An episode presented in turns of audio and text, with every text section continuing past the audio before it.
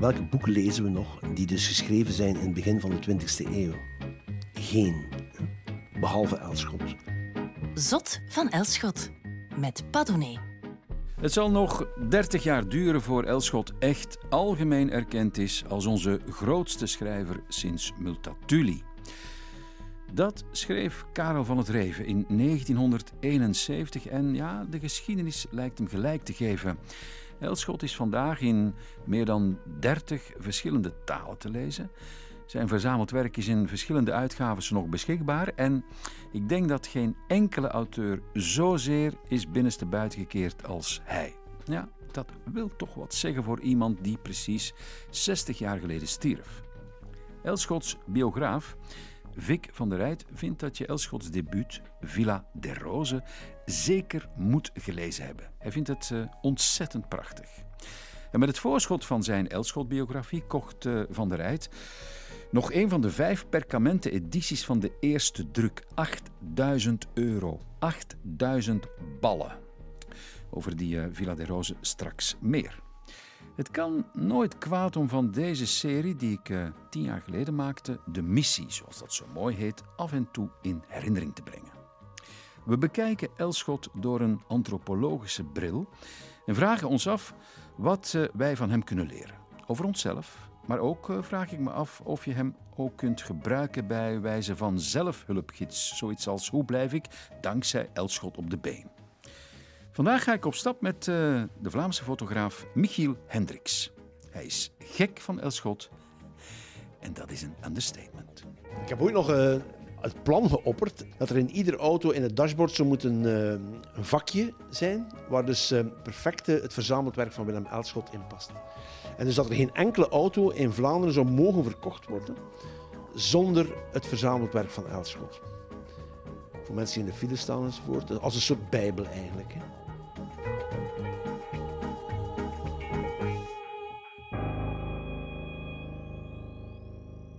Laat ons beginnen bij het begin. En voor het uiveren van Willem Elschot is dat zijn debuut, Villa de Rose.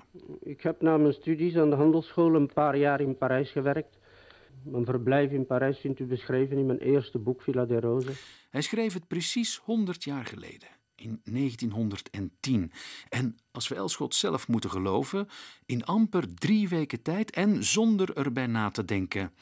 Nu, daar valt over te discussiëren. Als er één schrijver maniacaal veilde en sleep aan zijn zinnen, als er iemand zijn woorden dresseerde om ze in de pas te laten lopen, dan was het Elschot, non de plume van Alfons de Ridder.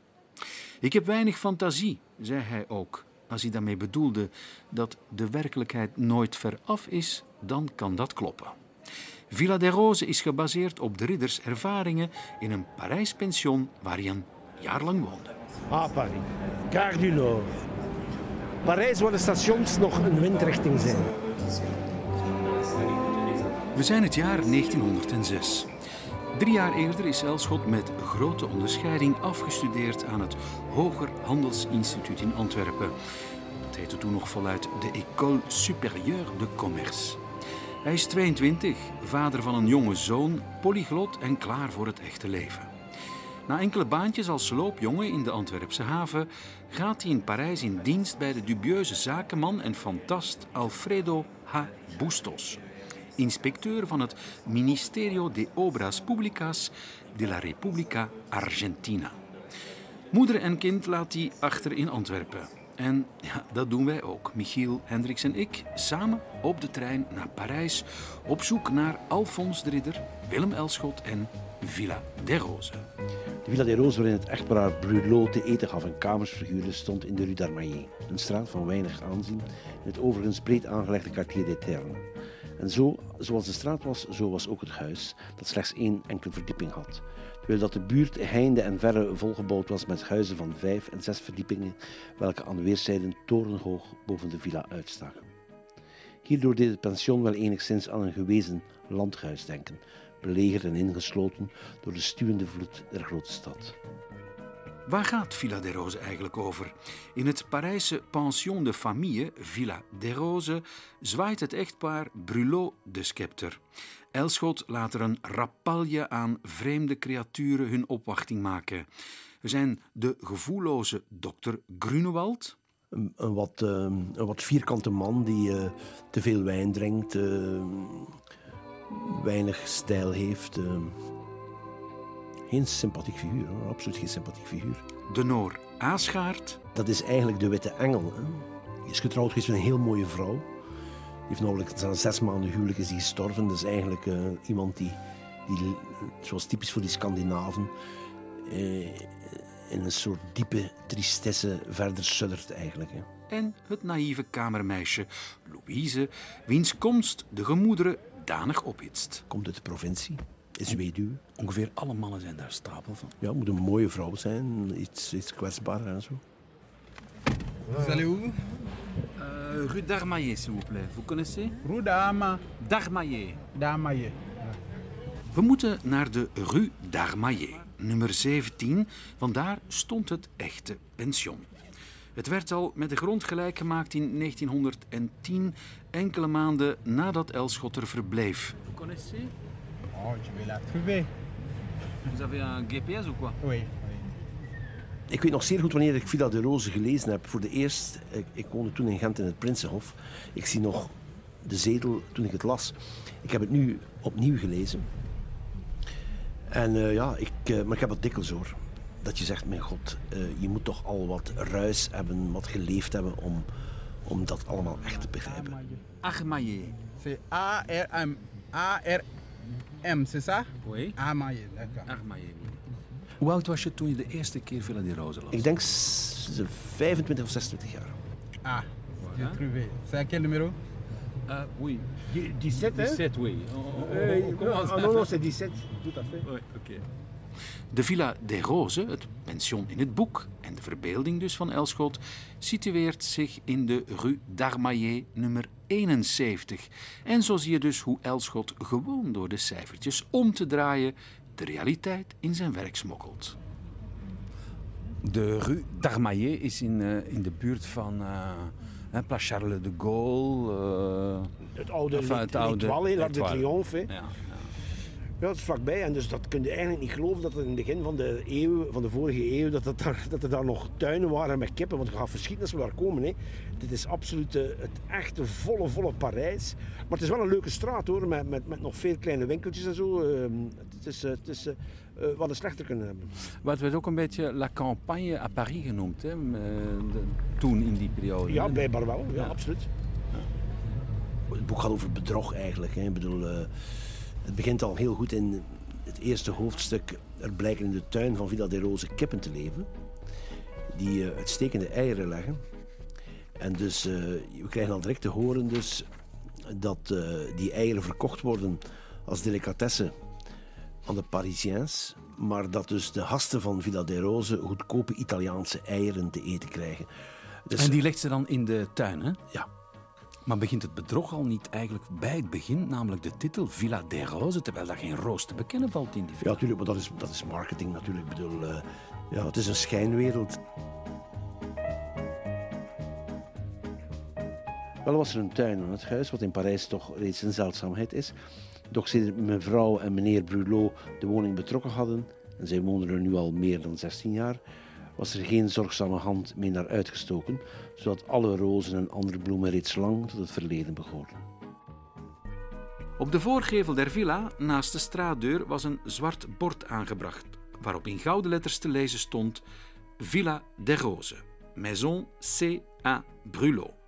Pension de famille de premier ordre, tout le confort moderne, grand parc pour enfants, prix d'hiver et à convenir, déjeuner et dîner au cachet, English spoken.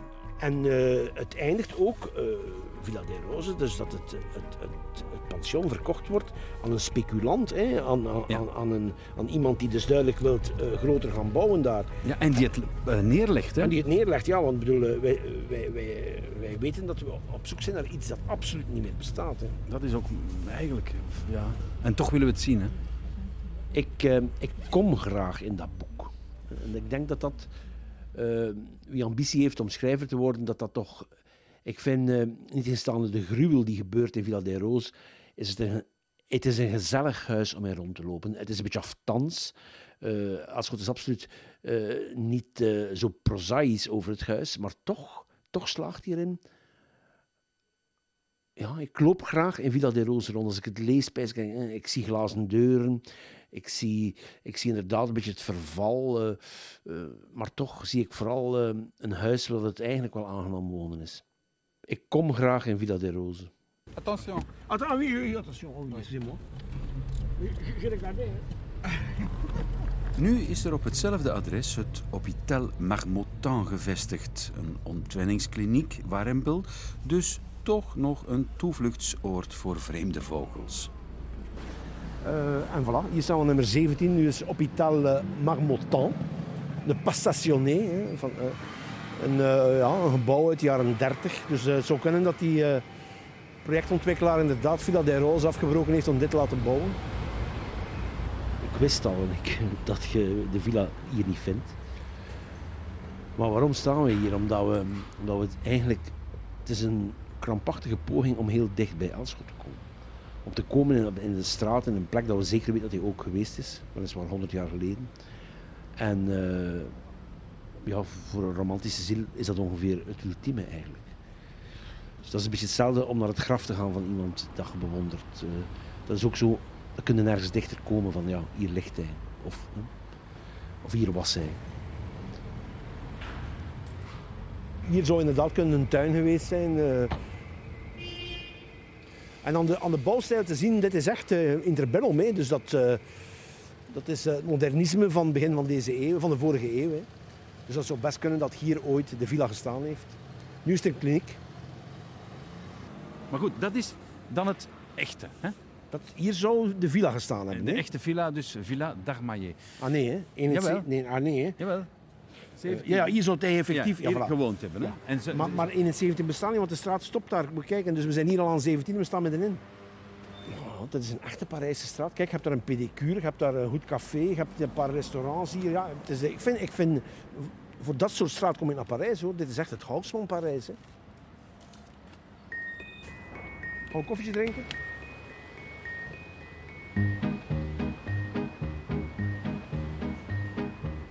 Je valt bij het lezen van het debuut Villa des Roses over scènes en personages die zo lijken weggelopen uit een film van David Lynch. Surrealistisch bij tijd en wijle en grappig. De verschijning van Madame Brulot maakte geen ongunstige indruk, hoewel het haar aan distinctie ontbrak doordat haar neus te vlezig was en op het Bourbon-type geleek. Zoals honden uit achterbuurten wel eens aan een volbloed foxterrier doen denken. Dit is van een gevatheid, van een grappigheid die absoluut geen 100 jaar oud is. Een van de pensioengasten is de 92-jarige Madame Gendron, die in haar bed ligt van half negen in de avond tot de volgende middag. Daardoor werd zij zo oud, want niets is beter voor de gezondheid dan een geregeld leven. Die mevrouw Gendron is dementerend en kleptomane. Ze steelt sinaasappelen, wordt daarvoor gestraft en bij wijze van wraak gooit ze het aapje Chico, waar het kinderloze echtpaar Brulot zo is opgesteld, in de haard. Wat een anarchistische daad is dat gewoon. Ik hoor, dan, ik hoor ook die, die aap roepen in dat wufte decor van dat uh, miserabel pension. Dat geeft daar een ongelooflijke filmische dimensie aan. Hij sprong op met zijn achterpoten, steun vindend op de gloeiende kolen. Maar de vlammen benamen hem het uitzicht en de pijn doofde in hem het instinct der richting. Hij wipte de verkeerde kant uit, kwam tegen de muur terecht en viel terug op de kolen waar hij bleef liggen. In de feestzaal kwam een lucht van verzengend haar. Dat is, ik vind dat uh, ik vind ongelooflijk cruwe scène gewoon. Uh, fantastisch gewoon. Ook zeer filmisch. Je ziet, dat beest knetteren en stinken en zo. Allee, ongelooflijk. Ik vind ook dit voor die tijd ongelooflijk straffe zijn. Als goed is, is jong op het moment dat hij dat schrijft. En dat is ook al iemand die zich geen enkele illusie meer maakt over de tederheid van het leven.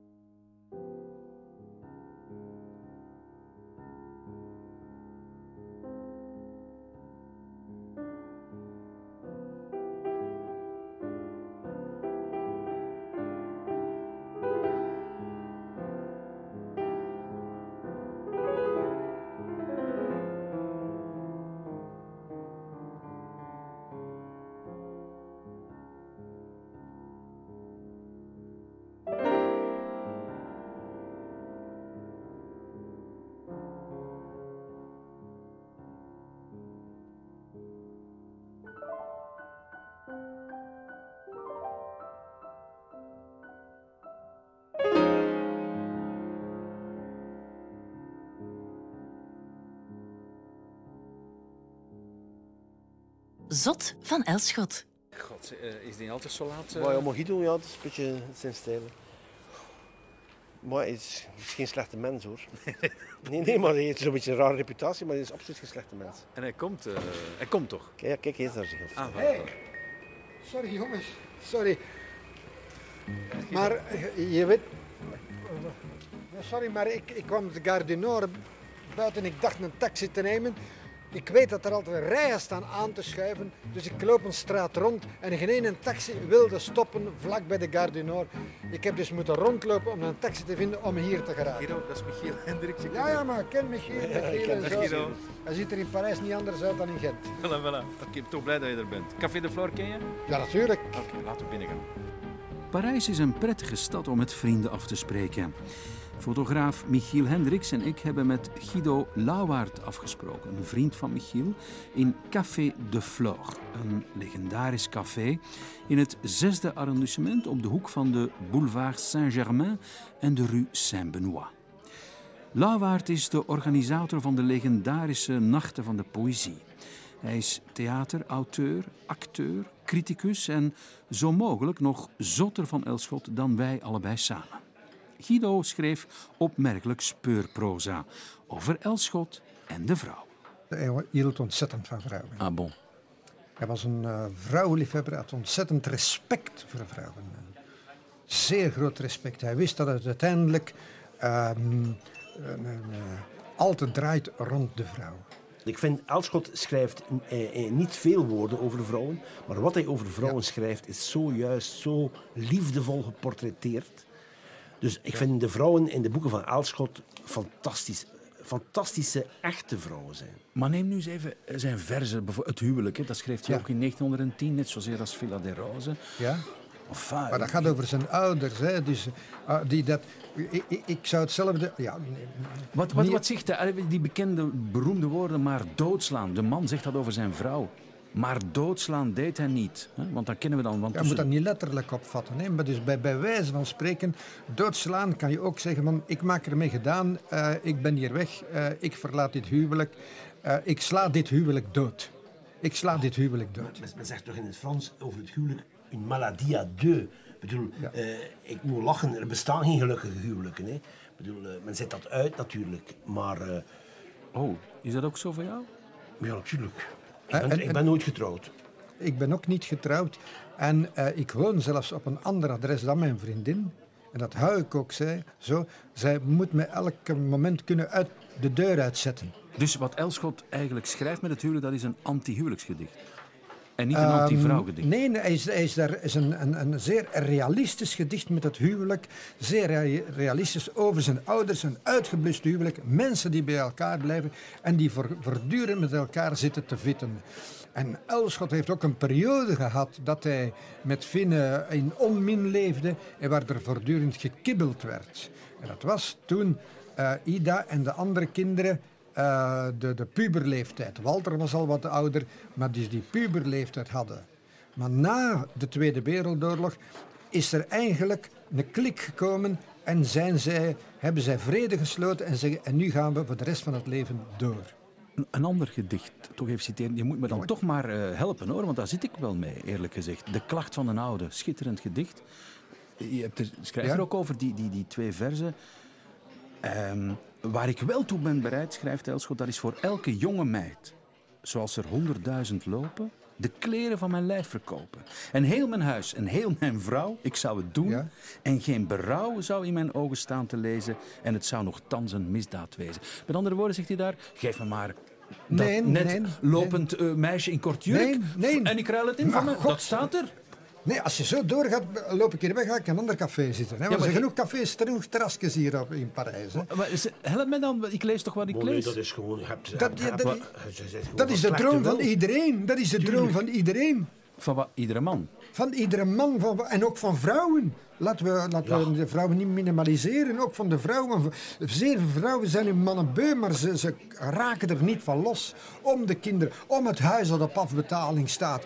Al dat soort zaken allemaal. Weet je dat heel veel. Niet opwinden, weet, nee, weet je dat er heel veel scheidingen gebeuren. Het moment dat een, een koppel getrouwd is.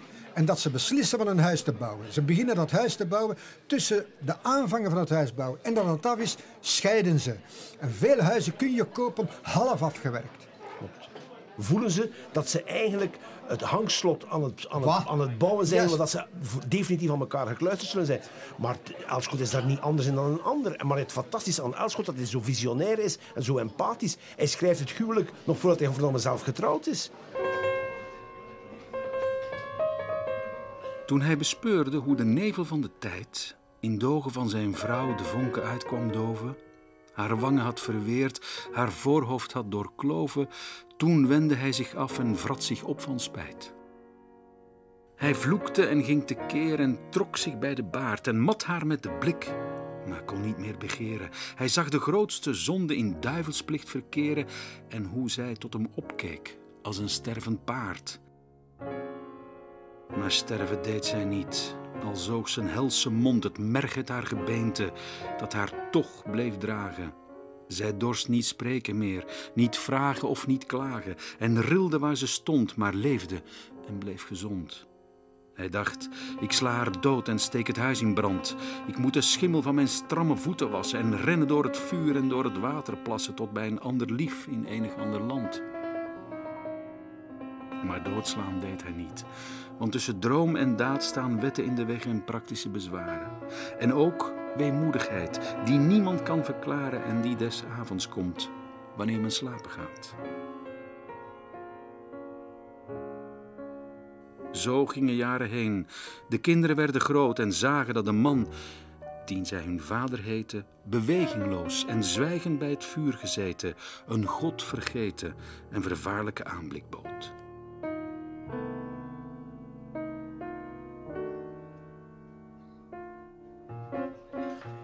Als ze die flesjes leeg, hè? kunnen we nog een fles bestellen? Die Grunewald, heren. Groenewald. Ja. Waarom heet die Groenewald? Hij is op een. Duitser. Het klinkt op Elschot ook. Hè? Het klinkt op Elschot, omdat vlakbij Berlijn ligt het, eh, het grote park Groenewald. Ja, En Elschot is ook een park. ja. Juist, Vlakbij Blauwberg. Inderdaad. En Elschot heeft gewoon in brieven ook gewoon gezegd... Ja. Ik ben Grunewald. Ik ben Groenewald, ja. Maar dat is, toch geen, zeg, dat is toch geen aangename man, hè? Dat is toch een smeerlap? Ja, maar ik bedoel... eh, Ah, hier, hier ze zitten. Hier ze, voilà. Allee. Ik vind, eh, zelfs als je dat niet weet, dat hij in die brief van die Duitse uitgever zegt: Ik was Groenewald. Het is het, als je het boek leest, het is het enige personage waarvan dat de schrijver zo intiem dichtbij komt dat hij niet kan horen van horen zeggen. Ik bedoel, hij moet het zelf meegemaakt hebben. Ja, hij veroordeelt zichzelf daarmee. Ja, maar ik, mijn, jullie beantwoorden mijn vraag niet. Die Grunewald is toch een hoogst onaangename man? Ja, maar ja, je, je, je schrijft geen literatuur over, over, over toffe mensen, hè? Allee, Pat, kom aan. Wat is dat niet zeg. voor iets? Pat, Wat, wat bedoel... Pat, Pat, Dus- er, er is ook nog, nog iets anders. Dat is een jonge man. Ja? En eh, de jonge mannen die gaan zo tekeer. Hoe gaan die tekeer? Wel door, door, door lieve te versieren en lieven in de steek Die te zijn gewoon laten. lichtzinnig. Ja. En, en, je hebt, hoe vaak zie je niet dat vrouwen eenmaal dat ze een man hebben die meteen willen houden. Had Elschot weinig fantasie, zoals hij zelf maar al te graag beweerde? Dat is een boetade die je zo kunt weerleggen. Je moet net heel veel verbeeldingskracht hebben om te schrijven, toekoer, denk ik. En dat mogen we nogal letterlijk nemen. De kracht dus om beelden te gebruiken, te leven in beelden. Wie doet dat in een Parijs pension gaan wonen met een stoet halfgare gasten en rare kwasten? Volgens zijn zeggen was Elschot Grunewald, de Duitser uit Breslau die het aanlegt met het dienstmeisje Louise. Die onsympathieke jonge Duitser uit mijn eerste boek was ik zelf, schrijft hij in een brief. Alfons de Ridder, zeggen en schrijven Willem Elschot dus, is daar in dat Parijse pension ook verliefd geworden op een kamermeisje. Dat weten we zeker. Het is door en door vécu, zou auteur Cyril Buijsen zeggen. Louise uit Villa des Roses wordt zwanger, maar laat de zwangerschap afbreken, een abortus dus uitvoeren. De foetus wordt over een schutting gegooid. Het kan haast niet anders of Elschot heeft zelf met een abortus te maken gehad. Ik heb dat graag, eh, sorry dat het nu over abortus gaat, maar ik heb het graag in literatuur dat, er, dat men ook technisch wordt. Dus dat je iets leert. Hè. En dus eh, daar, daar heb je dus bij abortus, eh, via die engeltjesmakers dan toch, Goeie wijn hier. zeg. ja, ja, heb je dus de, de mechanische met- methode En je hebt dan de zachtere methode via zeepsop. En dus ja, ik vind, ik vind ook het, het weggooien van dat pakje over de schutting, ik vind dat... eh, ik vind dat voor een boek van 100 jaar geleden van een, van een grappigheid, enfin, een bittere grappigheid, Ja. eh, uniek gewoon. Ja, ja, ja ik, ik ook, maar de, eh, de, de katholieken hebben dat eh, niet- als zeer schunnig. Dat was chockerend voor hen en zo. Ehm, Het is nog- het is nog één do- chockerend, vind ja, ik. één, niet alleen één de abortus, maar twee, het over de schutting gooien van het pakje. Ja. Dat is eh, Ja. zo van alsof je ja, een, een, Wegwerpartikel. ja, een, stukje papier of een blikje weggooit. Bij het licht der kaars werd alles nu duidelijker zichtbaar. Zoals zij daar lag, zag Louise er niet erg best uit. Ben ik niet vermagerd? vroeg zij. Niet erg, zei Richard. Ik ik vind dat je verfijnd bent. Hm, dat is nu ook maar gekheid, vond Louise, maar toch deed het haar genoegen. Wat is dat? vroeg Richard. Citroenwater. En dat, hij wees op een pakje in krantenpapier dat op de nachttafel lag. Niets, eh, zei Louise, en zij stak er de hand naar uit. Hij was haar echter voor. Hoezo niets? vroeg hij nieuwsgierig en wilde het openmaken. Richard, laat dicht, dan zal ik het zeggen. Het klonk zo streng en tevens zo angstig dat hij gehoorzaamde. Met een paar woorden wist hij alles. Ik geloof dat het weg zou moeten, zei Louise. Natuurlijk moet het weg. Donnerwetter, antwoordde Grunewald scherp. En wel dadelijk, hoe vreselijk onvoorzichtig. Hij stak het bij zich en stond op. Kan ik nog iets voor je doen? vroeg hij. Hij gaf haar nog een zoen, sprak de hoop uit dat zij spoedig weer geheel hersteld zou zijn, blies de kaars uit en liet haar alleen. Hij ging langs een omweg naar het pension van mevrouw Wimhurst en onderweg, in een verlaten straat, gooide hij het pakje met het ding erin over een schutting.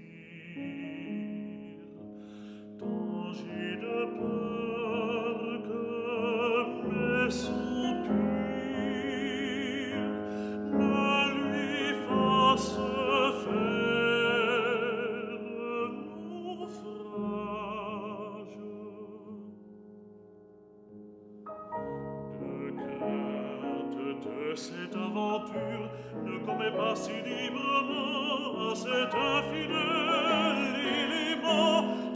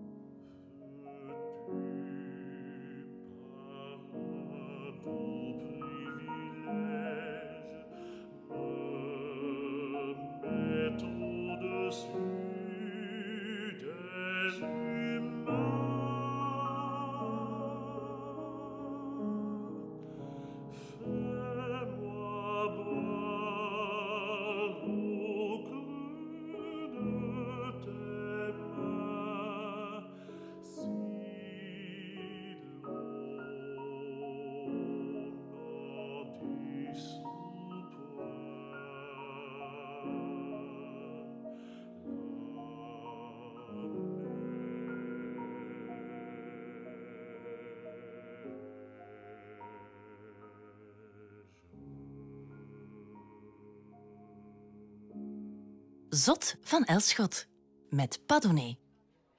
Zijn jullie allebei, heren, al eens met abortus geconfronteerd geweest? Ik één keer, ja. En Door een, eh, in eh, het jaar 70. En ik kan je gezellig zeggen, ik moest met die vriendin naar Londen toen nog. En ik had niet genoeg geld om die dokter te betalen. En heeft uh, Donovan, die heeft nog een stuk bijgelegd. Donovan? Donovan, ja, want die was in 69 op Casino geweest. Wat nu Donovan, de zanger heet. toch? Ja, Ja?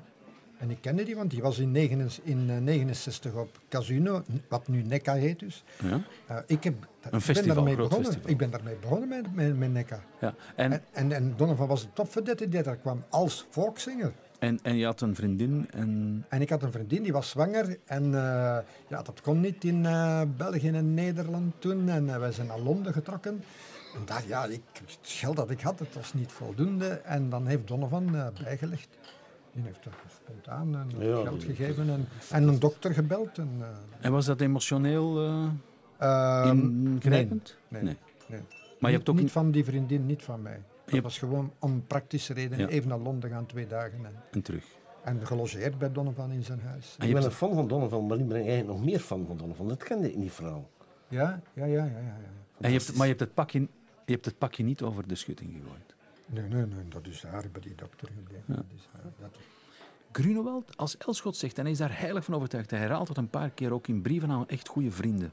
Ik ben Grunewald. Dan zegt hij eigenlijk, ja, ik ben net zozeer als misschien alle jonge mannen, of de meeste die we kennen, lichtzinnig, op seks belust. Egoïst. Maar Egoïst. Ja, maar, ja, maar je ziet door al die boeken en evolutie hoe dat die man ouder wordt. En in het laatste, in het dwaallicht, nog eens één keer droomt van verliefd te worden. Maar hij heeft te groot respect uiteindelijk met die Pakistanen die daarbij zijn. Hij, komt daar goed mee overeen en daar gaat het leuk om en zo. Maar het- hij weet, het blijft maar bij een droom dat nog eens verliefd worden. Maar iedereen wil op een bepaald moment zeggen, nu is de laatste keer, nu is de laatste kans. Die wil ik aangrijpen. Maar hij grijpt het niet aan. Nee, het durft niet, hè? Hij durft.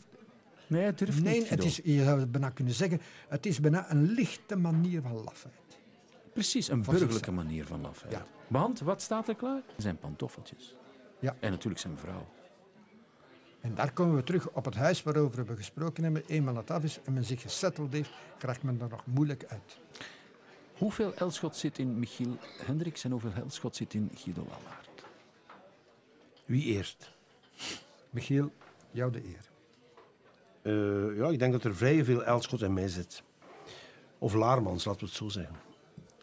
Want eh, Je bedoelt eh, Frans Laarmans, zijn alter ego, de ja, wat weemoedige klerk en antipode van Boorman, de berekende zakenman, de, de lijmer. Hè?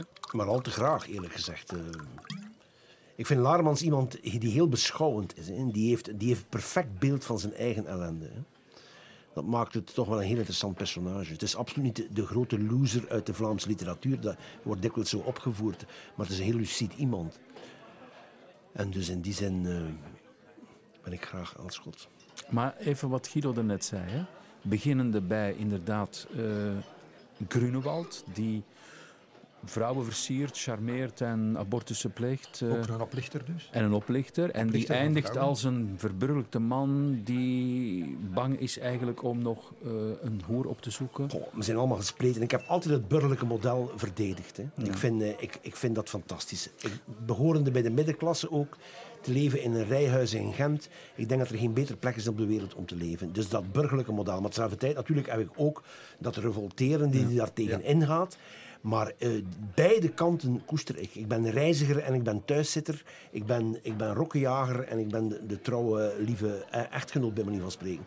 En ja, En Guido- eh, wie is anders? En Guido ben je Boorman. anders? Boorman. Ben je Boorman?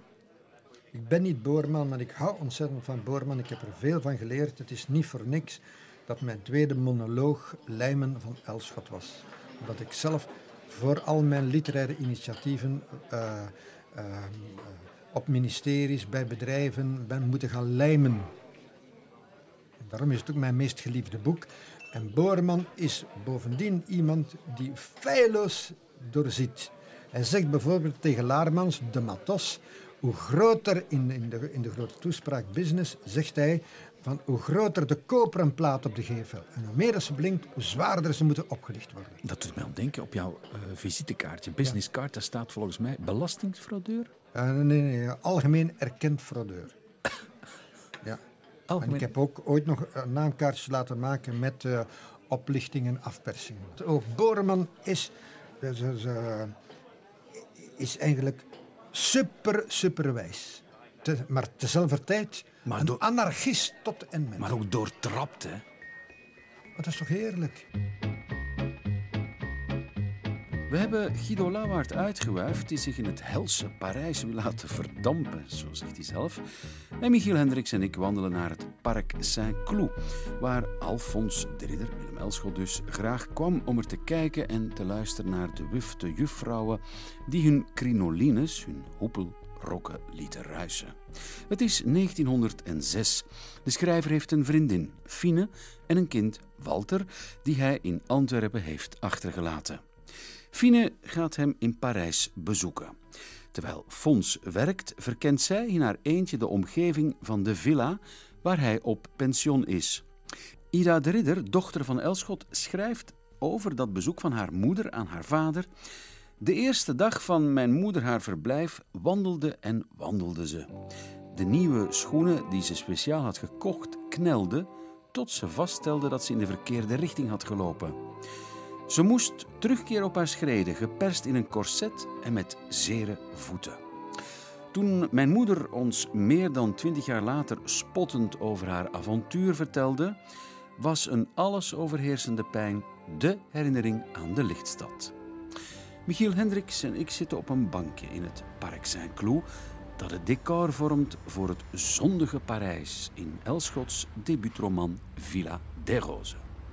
Verpozend in het uh, uh, Parc Saint-Cloud, een bijzonder mooi park, heel veel Veel natuur. natuur. Bijna een bos eigenlijk. Hè? Ja.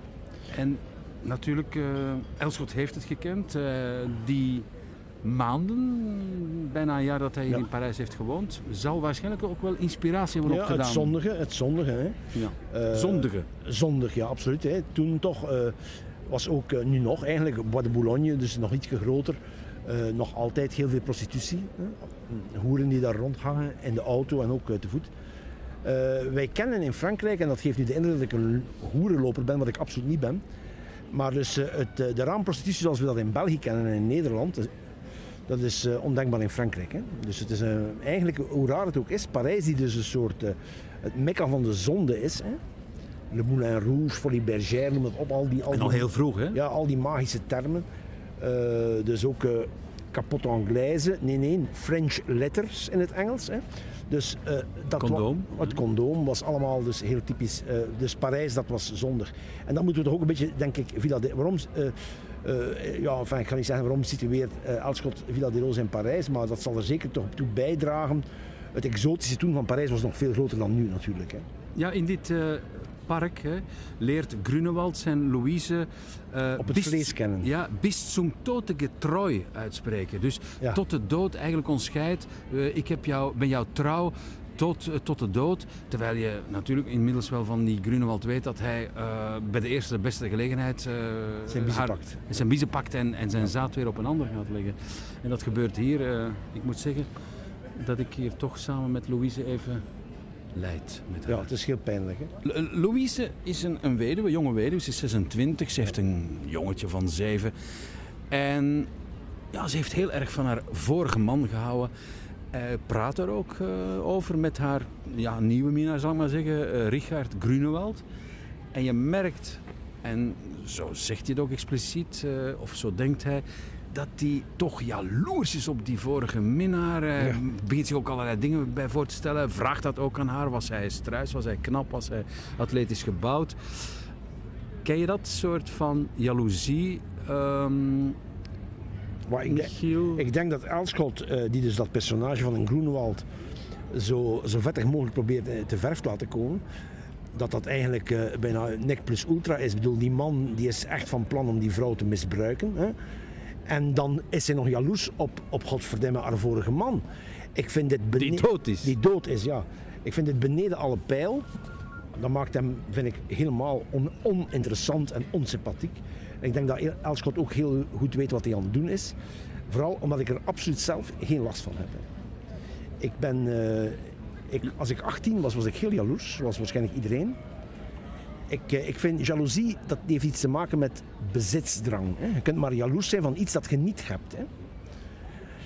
En ehm, ik heb dat eh, bijna uit een soort politieke overtuiging heb ik gezegd van, dat kunt je niet zijn. En ik heb Sorry, mezelf een, een politieke overtuiging, in welke zin? dat je niet alles moet hebben natuurlijk. Ik heb zeker in, eh, in relaties, hè, heb ik mijzelf afgeleerd om jaloers te zijn. En ik ben daar ongelooflijk goed in geslaagd. En hoe doe je dat? Eh, het is niet omdat mijn vrouw de namiddag doorbrengt met een andere man en daarmee eh, heb mensen die al jaloers zijn En op daarmee speelt?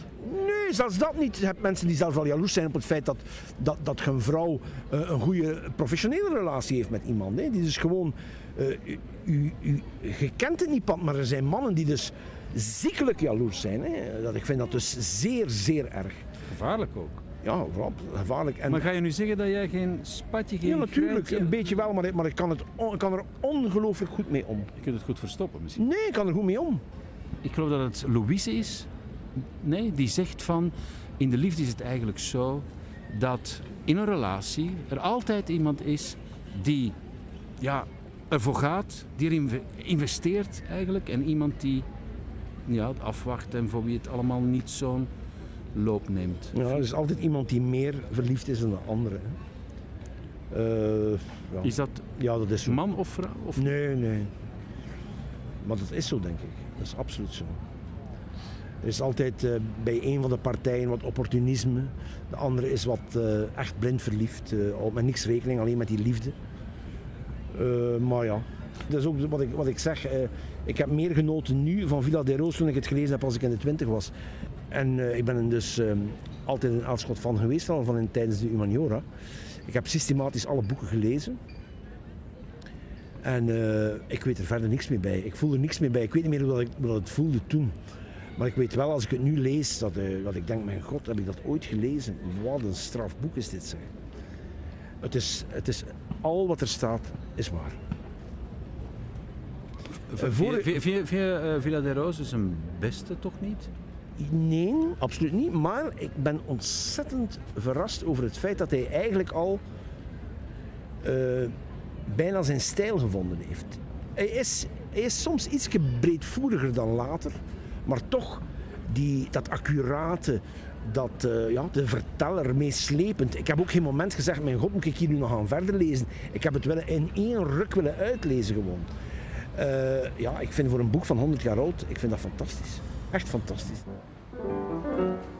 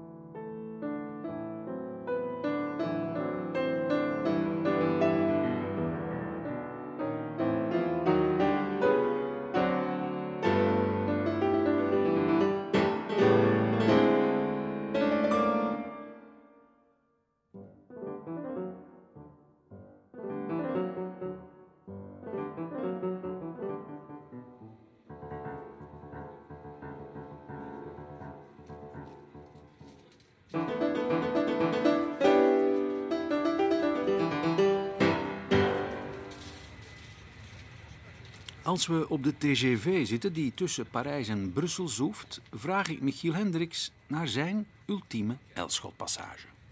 De mooiste scène is ontegensprekelijk de, de, dus het einde van Kaas. Dus, dat hij dus uh, de Hornstra wegrijdt en dat ze dus naar de keuken gaan.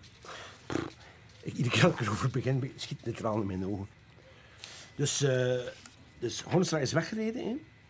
Dus heeft zijn vrouw in de hang tegengehouden om de voordeur open te doen. En dan heb je dus die ene passage, dus moet opletten dat ik niet begin te janken, maar enfin, ik ga het toch maar proberen. Maar ik moet naar de keuken. Mijn vrouw staat daar zonder iets te doen en kijkt ons tuintje in. Ik ga op haar toe en sluit haar in mijn arm. Kijk, ik heb het iedere keer. Ik kan niet meer. Allee. Nee, ik ga niet meer lezen. En als mijn eerste tranen op haar verweerd gezicht vallen, zie ik dat zij mij tegenwint. En opeens is de keuken weg, is het nacht en we staan weer alleen zonder kinderen in een eenzaam oord, zoals 30 jaar geleden, toen we een stil plekje opzochten om in vrede te kunnen schrijven. De kaastoren is ingestort. Ja. Dit is, uh, ik vind dat, uh, ja, dit is een beetje, het, het, het is een beetje van een smartlap, maar het is ook weer zo karig geschreven met zoveel juiste woorden. En dat ontroert mij.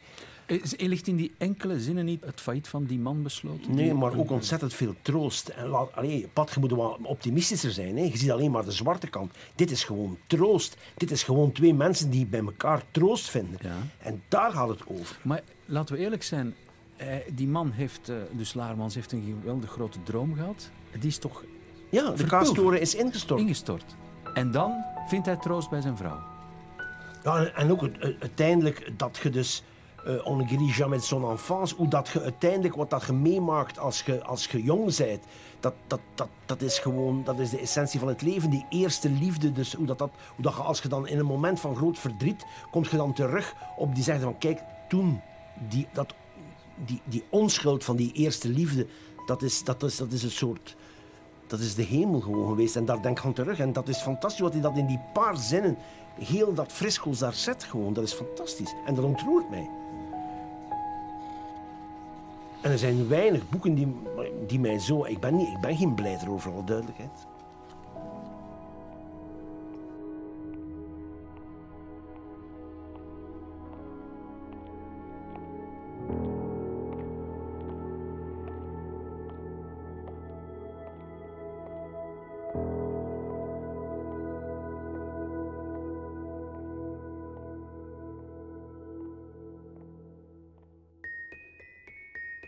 Dit was de tweede aflevering van Zot van Elschot, die je kunt beluisteren via clara.be, de Clara-app of podcast. Ligt er je wat op het hart of iets op je lever? Schrijf naar elschot.clara.be. Morgen trek ik met kerkgeleerde Rick Torfs naar Blauwberg. Een godvergeten dorp in de Kempen dat van levensbelang blijkt voor de schrijver. En laat hem tot slot toch maar even zelf nog aan het woord. Ik heb al zoveel overboord gegooid, zei Elschot, dat ik wel eens kapseizen kon bij gebrek aan zwaarte. Geniet nog van Clara en van elkaar.